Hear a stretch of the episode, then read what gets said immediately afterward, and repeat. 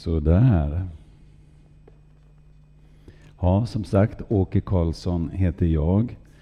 Eh, jag är gift, har två vuxna barn som har egna familjer. Vi har fyra barnbarn. Eh, senaste kom i förrgår. Eh, jättehärligt. Eh, och vi fick en av varje och våra en av varje har fått en av varje. Så nu är lyckan fullständig. Så eh, jag är väldigt glad för det. Jag, eh, jag blev frälst ganska sent i mitt liv. Eh, jag var 28 år. Men jag hade läst Bibeln, min konfirmationsbibel hade jag läst sedan jag var 16. och eh, när jag väl fick Jesus i hjärtat och den helige Ande kom över mig eh, så plötsligt förstod jag vad jag läste. Jag hade läst Bibeln i så många år och inte riktigt förstått vad det var jag läste. Men när jag väl var frälst, hade Jesus i hjärtat, den heliga Ande hade kommit över mig, då öppnade sig Bibeln. Och eh, ganska snart förstod jag att jag var kallad till att förkunna.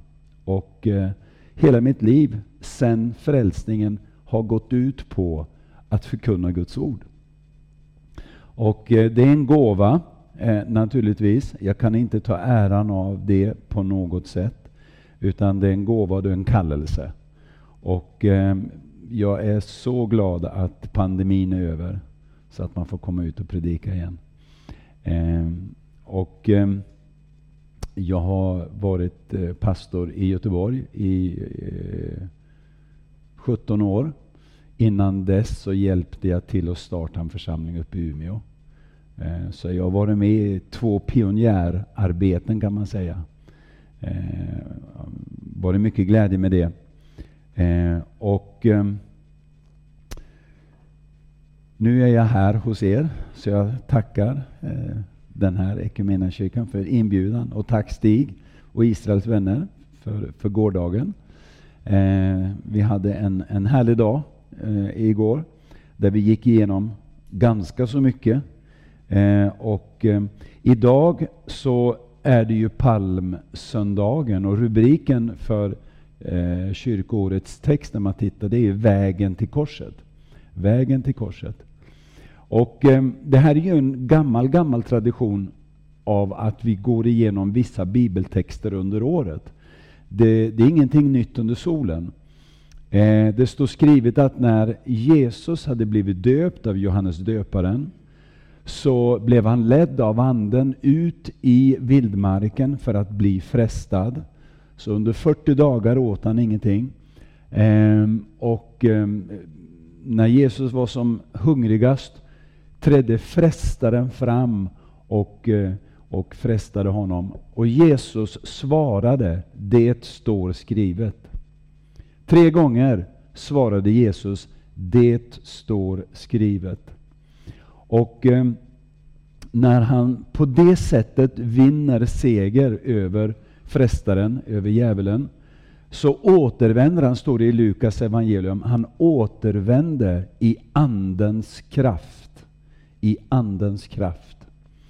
Och så kommer han till Nasaret, till sin hemby. Och eh, han gick till synagogan och det står skrivet som han brukade göra. Brukar du gå i kyrkan på söndagar? Ja, vi följer vår mästare, eller hur? Han gick till synagogan på lördagarna. Vi går i kyrkan på söndag eftersom det är uppståndelsedag.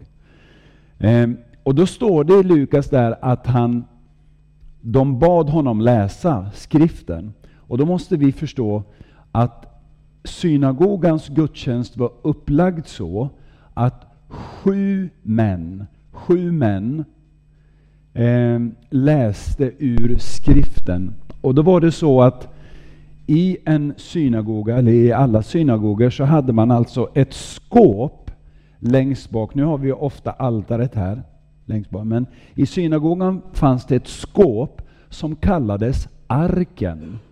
Och i detta skåp var alla skriftrullarna.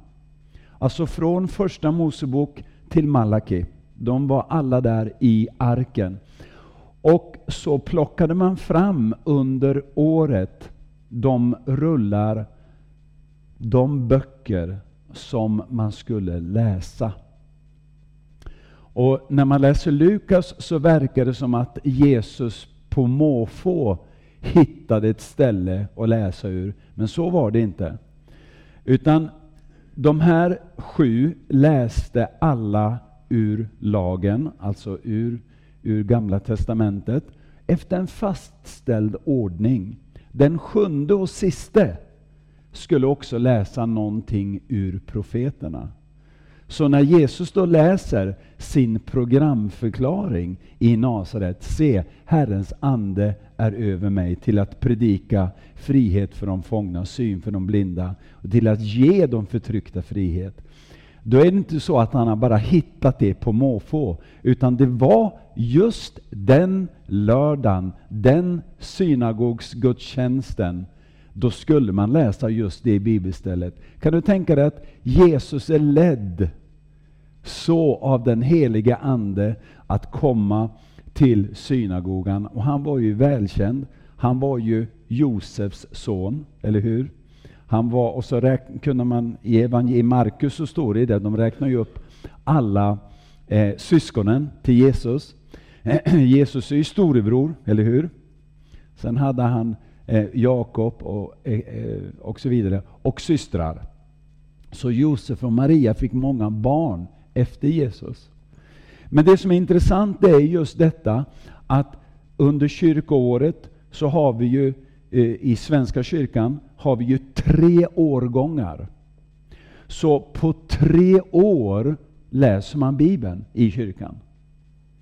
Och Det här är alltså någon, en tradition som Svenska kyrkan och kyrkan då tog över ifrån det judiska samhället och synagogsgudstjänsten. Eh, synagogan kom ju till på grund av att man förstörde templet. Man förstörde det första templet. Och det judiska folket blev bortfört i fångenskap till Babylon. Och i Babylon längtade man efter templet, man längtade efter det man hade förlorat. Och det är så synagogorna uppstod. I fångenskapen uppstod synagogrörelsen. Så att man tog så att säga en tempeltjänstgöring och, och, och, och förde ihop den till en synagogs gudstjänst. Och den innehöll då bibelläsning som jag sa. Sju män skulle läsa. Den sjunde skulle också läsa någonting ur profeterna, vilket visar att Jesus var den sjunde som också läste ur Jesaja-rullen då. Ehm, och ehm, vi håller oss också till traditionen, eller hur? Idag är det palmsöndag och det är en speciell text vi läser. Och den har vi läst alldeles nyss.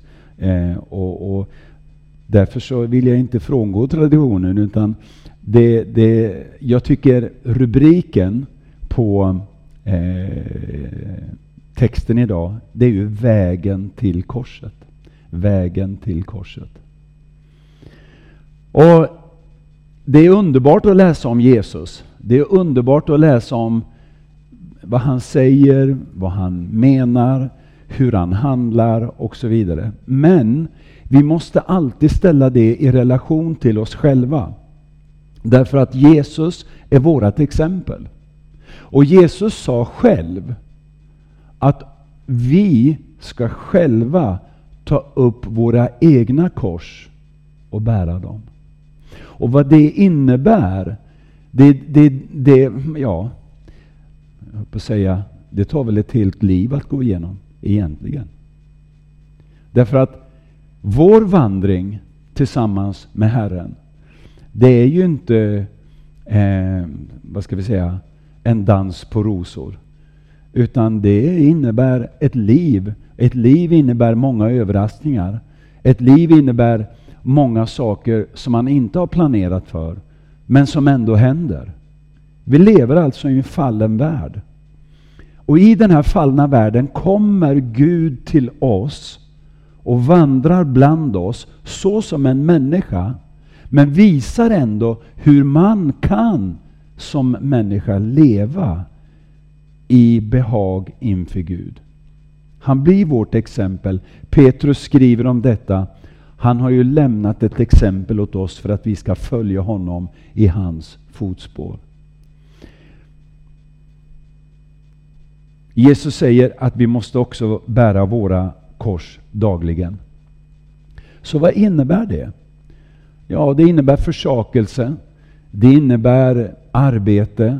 Det innebär eh, eh, en hel del skulle jag vilja säga. Nu är jag uppvuxen i en arbetarfamilj. Vi var fyra barn i en tvårummare tillsammans med mamma och pappa. Så det var inte mycket utrymme man hade. Eh, vi levde på en lön så att säga. Pappa var, var chaufför. Eh, mamma var hemma med oss barn. Eh, och eh, eh, Vi satte en ära i att arbeta hårt, att göra rätt för sig. Eh, min mamma präntade in i mig att man alltid skulle vara hel och ren. Eh, och, och ehm, man skulle alltid ha rena underkläder också. Man visste aldrig om man kunde hamna på sjukhus. Ja. Eh, gamla, gamla, gammal moral och etik. Eh, och eh, när jag blev frälst, en av de första sakerna som, som jag upplevde att Herren sa till mig, det var ungefär, ja, du, du, du, du, har, du kommer från en arbetarfamilj och du, du har arbetat hårt, men min son, nu börjar arbetet. Nu börjar arbetet. Och jag måste säga det att, att, att eh, jag har arbetat hårdare de här åren än vad jag gjorde innan.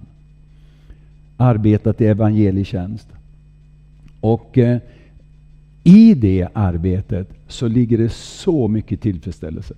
Det ligger så mycket av mål och mening och så vidare. Men parat med det naturligtvis också livets överraskningar, motstånd, förföljelse för trons skull. Jag har blivit av med arbeten på grund av att jag var kristen. Eh, jag har ju min, min bakgrund och utbildning inom psykiatrin. Och när de fick höra att jag var med i en viss församling så miste jag jobbet. För att det var förtal och det var, var eh, fördomar och så vidare. Och så, vidare. så det finns ju ett lidande också för, Krist, för Kristi skull. Eh, så att ta upp sitt kors, det, det kan vara till exempel att tro på hela Bibeln. Och att stå för det. Eh, att inte välja ut delar utan att ha hela Bibeln som en sanning. Du vet, en gammal definition av kristen tro, det är nummer ett, för santhållandet. Att vi håller Guds ord för sant. Det andra, det är att eh, lita på Gud. Ha tillit till Gud. Och det tredje är att agera på Guds ord. Eh, försanthållandet. Det här tror jag är jätte, jätteviktigt. Eh, när man nu ha, har haft den här traditionen av att gå igenom Bibeln på tre år i Svenska kyrkan, att, att det grundar sig på en tradition ifrån det judiska, att man gick igenom så att säga Bibeln under en eh, eh, eh, eh viss tidsrymd. Om det var ett år eller om det var flera år. Det var ändå fastslaget att man läste vissa texter vid vissa tidpunkter. Och så gick man igenom på det sättet Guds ord. Ehm, så när vi går igenom Guds ord på det här sättet. Meningen från Guds sida är ju att jag ska få en allsidig kost. Att jag ska få mycket av Guds ord i mig. För kom ihåg, när Jesus blev frestad, då frestar djävulen honom med att säga Ja men om du är Guds son, då kan du väl förvandla den här stenen till bröd. Du är ju hungrig nu. Då svarar Jesus, kommer ni ihåg det, vad han svarar? Människan ska inte allenast leva av bröd, utan av allt det som utgår från Guds mun. Allt. Jesus säger inte människan ska leva av delar av Guds ord. Utan Jesus säger människan ska leva av allt som utgår ur Guds mun. Och då har ju vi då har ju vi en fullständig bibel, eller hur? Vi har en bibel med Gamla Testamentet och Nya Testamentet. Och allt detta ska vi leva av. Så därför traditionen om att gå igenom Bibeln under tre år, det, det är en fantastisk sak faktiskt, som man inte behöver förakta. Sen finns det ju naturligtvis en frihet för predikanten att eh, också betona olika saker i de här texterna, naturligtvis. Men eh, eh, vägen till korset, det är aktuellt för oss egentligen varje vecka, varje dag under hela året. Därför att vår tro är inte bara på söndagar. Vår tro berör hela livet. Det berör familjen, det berör det privata, det berör vår ekonomi. Det berör allting. Och ibland när vi står upp för namnet Jesus, när vi står upp för tron på blodets kraft, när vi står upp för den helige Andes delaktighet i våra liv, när vi står upp för våra syskon, vi ber för Ukraina, vi, vi, vi står upp för den förföljda kyrkan i, i, i Kina till exempel. Eh, vi bär våra kors. Vi lever ju inte för oss själva, eller hur? Utan vi lever för någonting mycket, mycket, mycket större. Okej. Okay. Alla fyra evangelierna har den sista veckan såsom en höjdpunkt i evangelieberättelsen. Det vill säga passionsveckan. Passion har ju vi bytt ut betydelsen av till att det är någonting eh, passionerat. Men egentligen så är det, passion betyder lidande. Det är alltså lidandeveckan som alla fyra evangelierna koncentrerar sig kring. Därför att korsets budskap är centrum i hela universum. Det är centrum i hela världshistorien. Hela Gamla Testamentet pekar framåt profetiskt mot Golgata. Och vi idag, vi tittar tillbaka till Golgata därför att där är altaret där Gud offrar sin son. Det är där vi befinner oss, bortom tid och rum, den gången vi tog emot Jesus Kristus i våra hjärtan. Då hamnade vi vid korsets fot och där trodde vi och där tog vi emot honom. Bortom tid och rum blev vi frälsta och vi blev frälsta faktiskt bortom tid och rum till en evighet tillsammans med Gud. Och vi lever i verkligheten av det som hände där på Golgata kors en gång i tiden.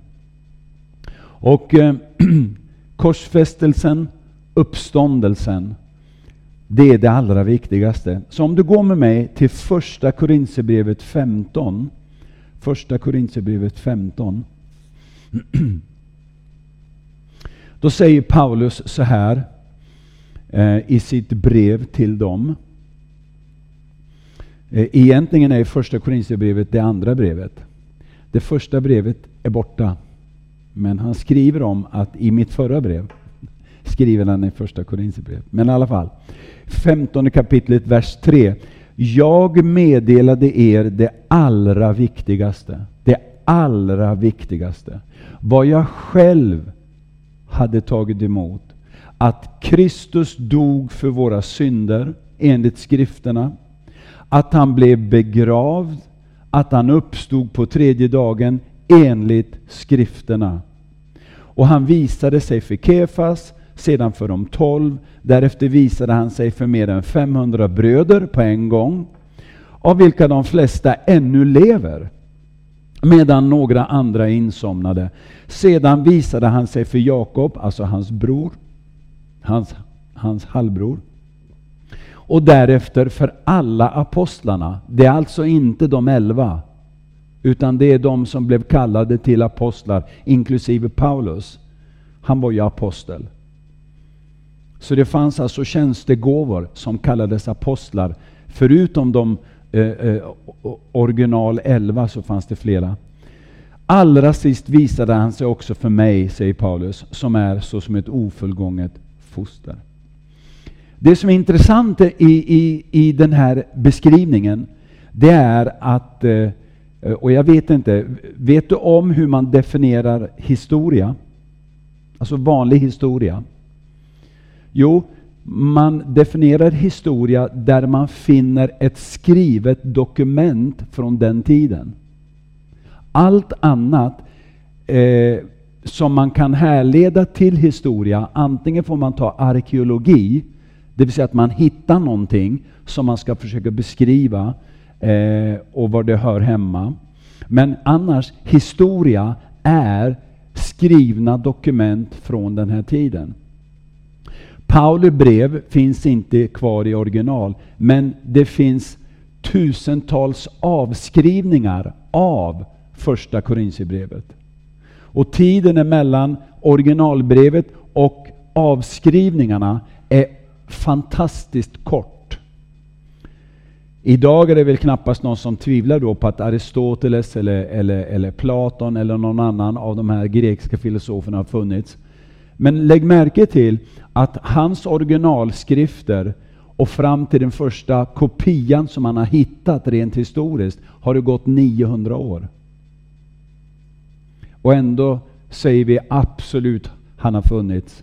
Och sen ska man tvivla då på att en avskrift som bara sker kanske 50 år efter originalbrevet från, från Paulus plus att när det gäller de grekiska filosoferna har man bara hittat en eller två avskrivningar. När det gäller Nya Testamentet har man hittat 15 000 kopior. Och en väldigt kort tid från original till avskrivning. Vilket betyder att när vi läser första Korinthierbrevet 15 är det ett historiskt dokument. Det vill säga det är någonting som är fastslaget det är sant. Och det som han nu skriver är ju jätteintressant. Han säger det att, att eh, jaha, eh, Petrus fick se Jesus. Sen fick de tolv, det vill säga eh, inklusive Mattatias som blir vald som apostel. Men de tolv apostlarna.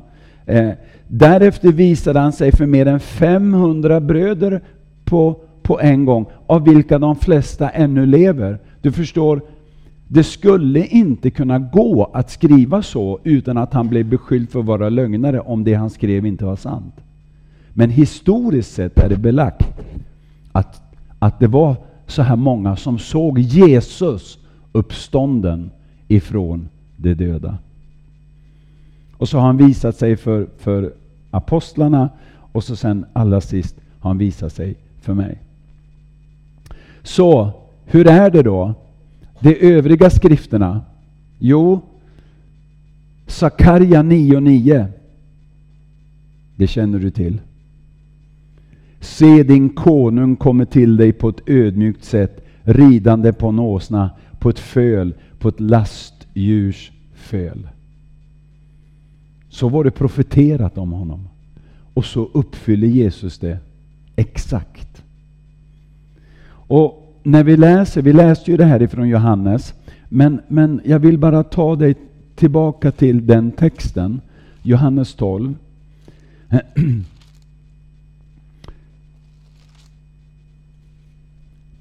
Johannes 12 och vers 12. Nästa dag hade folk i stora staden kommit till högtiden. När de fick höra att Jesus var på väg in i Jerusalem tog de palmblad, gick ut för att möta honom och de ropade Hosianna, Välsignade han som kommer i Herrens namn, han som är Israels konung. Han som är Israels konung. Jesus fann ett åsneföl, satt upp på det, så som det står skrivet, frukta inte du Sions dotter, se din konung kommer ridande på ett åsneföl. Hans lärjungar förstod inte detta från början, men när Jesus hade blivit förhärligad kom de ihåg att just detta var skrivet om honom och att man hade gjort så med honom. Så verkar den helige Ande. Han påminner oss om det som står skrivet. Och sen att han för ihop det så att vi ser det, så att vi förstår det, så att det blir en uppenbarelse, så att vi kan leva av det. Det som är intressant här, det är att folket som nu ropar Hosianna, några av dem kanske också senare ropade korsfäst. Det är tänkvärt. Men det som, det som är, är så betydelsefullt att inse här, det är om vi går till Matteus 23. Kom ihåg nu att detta är vad de säger om Jesus. De erkänner honom alltså som konung. Vi går till Matteus 23. Eh, vad är det de ropar? De ropar Hosianna, eller hur? Eller hur? Visst ropar de Hosianna? Vet du vad Hosianna betyder? Det är en citat ifrån en salta psalm, psalm 118, vers 25. Och där står det inte hos Anna, utan det står utifrån så som man översätter det från hebreiska. Herre, fräls oss. Så vad folket ropar, därför att psalm 118 är en bön om räddning, hela salmen egentligen. Det är många saker i den där salmen, detaljverser som är helt fantastiska. Men vad folket ropar egentligen, det är att, att Messias, du är konung och du ska rädda oss. Så det är ett rop om frälsning. Hosianna, det betyder fräls oss nu, Herre. Kommer du ihåg vad Paulus skriver? Idag är frälsningens dag. Så när vi ropar ut Hosanna så är det en bön, en bön om frälsning. Matteus 23 och i vers eh, Vi kan börja vers 37. Jerusalem, Jerusalem, du som mördar profeterna och stenar dem som är sända till dig. Hur ofta har jag inte velat samla dina barn så som hönan samlar sina kycklingar under vingarna. Men ni ville inte. Se, ert hus kommer att stå öde. Ty jag säger er, härefter ska ni inte se mig förrän ni säger, välsignade han som kommer i Herrens namn. Alltså exakt samma psalm som han citerar här, som de ropar när han rider in i Jerusalem. Vad är det Jesus säger?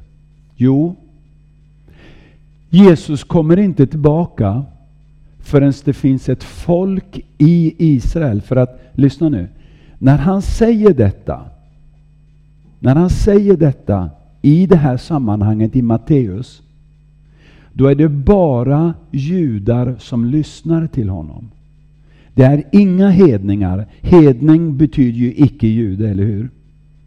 Det är inga icke-judar som lyssnar till honom. Utan de som lyssnar till honom, alla de är judar. Och han säger till dem, jag kommer inte att komma tillbaka en andra gång till Jerusalem förrän ni judar säger välsignad vare han som kommer i Herrens namn. Det vill säga, underförstått, vi säger att du Messias är konung.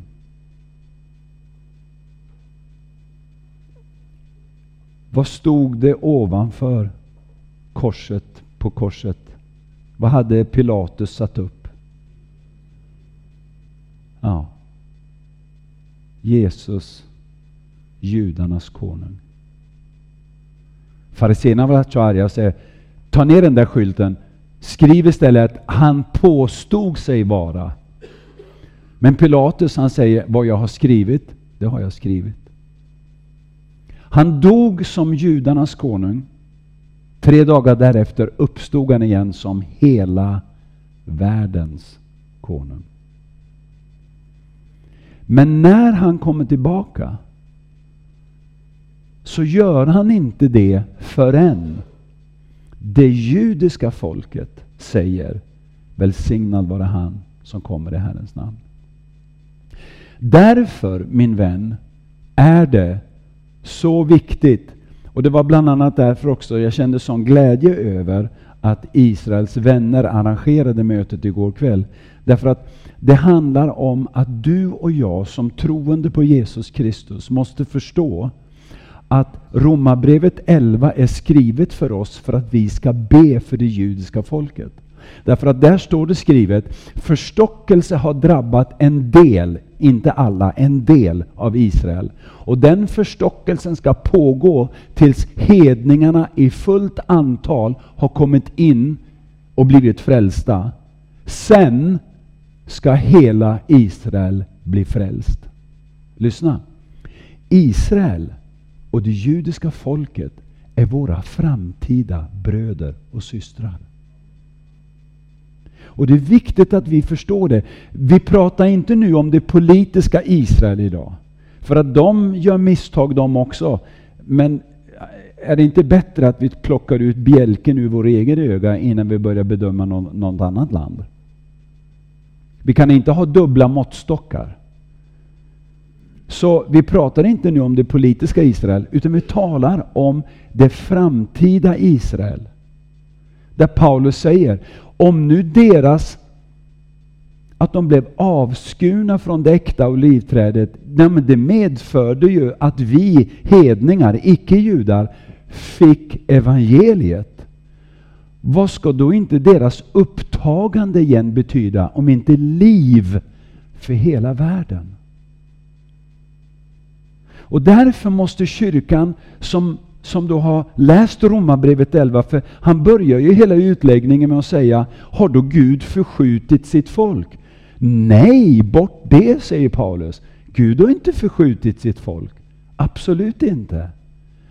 En gång tog han dem ut ur Egypten. Han gav dem Israels land. Han planterade dem. Men på grund av deras egen synd så blev de bortförda till Babylon, men fick komma tillbaka. När de under påsken säger hans blod kommer över oss och våra barn, så drar de en förbannelse över sig själva. Och, och, och, och bara några år senare, 40 år senare, så blir Jerusalem intaget utav romerska trupper. Hela stan blir förstörd. Templet rivs. Och, och, och kvar blir det precis som Jesus sa, här ska inte sten på sten lämnas kvar. Och så blev judarna förskingrade. Maj 48 får de komma tillbaka. Och nu är tredje profetian om Jerusalems och judarnas hopsamlande fullbordat. Och vi lever alltså i profetiornas uppfyllelse i de här dagarna. Och, och, vi måste inse det att vad Gud håller på med, det är en gigantisk insamling av jordens dyrbara skörd. Vilket är alla människor som ska ta emot Jesus Kristus som sin frälsare och Herre. Men vi måste be för det judiska folket. För Jesus säger, jag kommer inte tillbaka. Vill du att Jesus ska komma tillbaka? Ja, och, och, om det är som jag så skulle jag vilja att han kom igår. Men nu är det inte så. Utan det är många världshändelser som måste så att säga in i pusselbitarna innan Jesus kommer tillbaka. Och en anledning, det har vi just i, i den här helgens text. Jag kommer inte tillbaka förrän ni säger, det judiska folket säger, välsignad vare han som kommer i Herrens namn. Och egentligen är ju det en upprepning av vad som skedde palmsöndagen. Men i de yttersta dagarna innan Jesus kommer tillbaka så ska det finnas en skara av troende, Messias-troende judar i Israel som ropar välsignad vare han som kommer i Herrens namn. Min vän, från 1900-talets början och fram till nu har det aldrig funnits så många messiastroende judar under hela världshistorien om vi inte räknar då med den första tiden. Därför att när Jesus hade dött, uppstått och apostlarna predikade, Du vet att Samarien tog emot Guds ord. Hela Galileen och så vidare. Och så vidare. I, bara i Jerusalem fanns det, räknade man med att det fanns upp till 10 000 troende Messias troende judar. Alltså frälsta människor i Jerusalem på den tiden. Och, och, och I och med Jerusalems förstöring och, och, att Israel upphör som nation så spreds ju alla.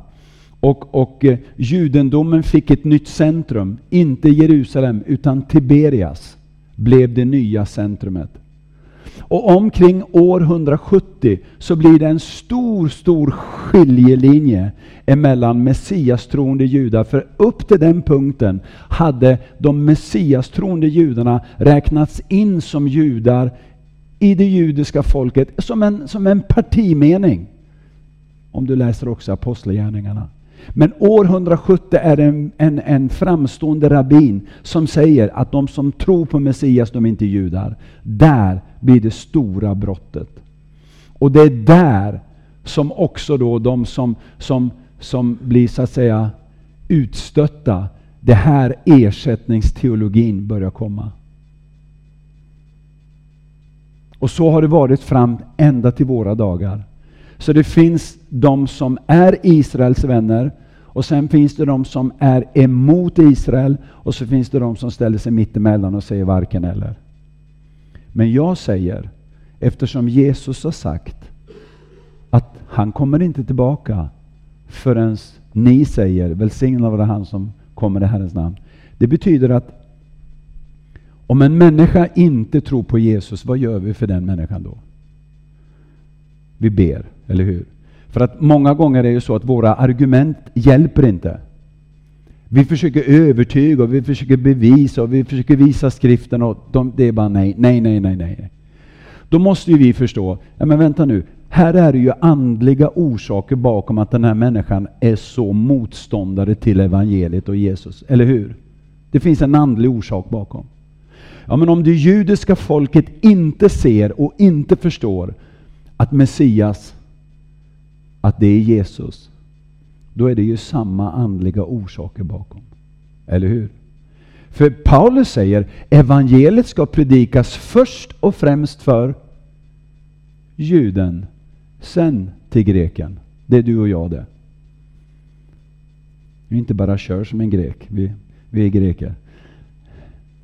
Så det är viktigt att du och jag inser att om Israel nu inte förstår det, då måste vi be för Israel så att de till slut säger Välsignad vare han som kommer i Herrens namn.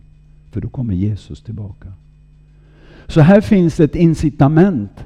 Här finns det en förutsättning. Här finns det ett krav att du och jag går Herren till mötes och ber för dem, inte bara för dem som inte vill ta emot Jesus. Jag menar, hur, hur många har barnbarn som inte följer Jesus? Eller hur? Det är så många i Kristi kropp vars barn antingen inte går med Gud eller barnbarnen inte går med Gud. Vad gör vi? Vi ber. Vi ropar till Gud och säger Gud gör något. För att själva så, så finns det känslomässiga blockeringar och, och, och, och, och så vidare som gör att de, nej, de vill inte lyssna. Och, och då inser man ju, det måste ju, det måste ju ske ett mirakel, det måste ju, Gud sänd någon som har ingång i deras hjärta.